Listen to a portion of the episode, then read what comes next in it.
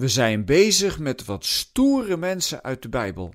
En als je nu bij stoer denkt aan sterk en mannelijk, dan moet je dus echt bij Simpson zijn. Als je die verhalen weer eens achter elkaar leest, is het misschien wel een van de wildste series in de Bijbel.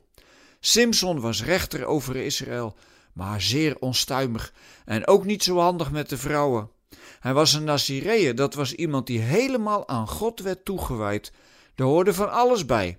Zo mocht hij bijvoorbeeld zijn haar niet afknippen, geen alcohol drinken en niet in aanraking komen met een dode.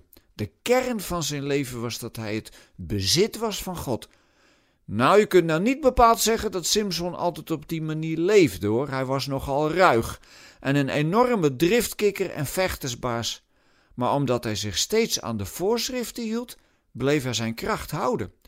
Totdat Delilah, een van zijn latere relaties, uiteindelijk achter zijn geheim kwam. Zijn enorme kracht zat hem in zijn gehoorzaamheid aan de voorschriften die voor een Nazireër golden. En toen hij aan Delilah had verteld dat zijn haar nooit mocht worden afgeschoren, was het gedaan. Zij zorgde ervoor dat het gebeurde terwijl hij sliep. Het was als het ware of de rechtstreekse en speciale verbintenis met God verbroken werd. Simson werd gevangen genomen door de Filistijnen en komt uiteindelijk aan zijn einde doordat God hem na een vurig gebed nog één keer die enorme kracht geeft. Hij duwt de pilaren van de tempel uit elkaar en sterft samen met vele vijanden. Hoe is dat nou in ons leven?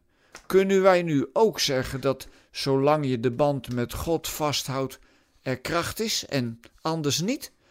Nou, er zijn heel veel mensen die ook wel kracht hebben zonder God.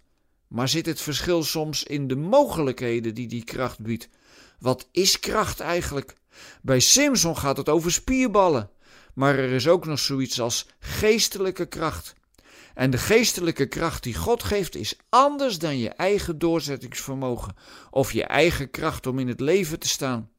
Als ik uit de liefde van de Heer wil leven, moet ik ook de kracht hebben die daarbij hoort.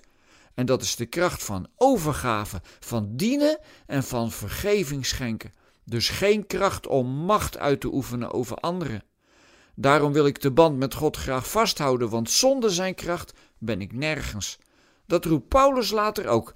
Ik ben alleen maar sterk in de kracht die hij geeft. En het is ook een keus van welke kracht je gebruik wilt maken. Er is genoeg aanbod in onze wereld, maar de kracht van de liefde is nergens zo sterk als bij wat God ons aanbiedt. Dat kun je zien aan Jezus. Met die kracht was hij zelfs bereid de dood in te gaan. En het bleek uiteindelijk dat de dood niet in staat was om die kracht tegen te houden.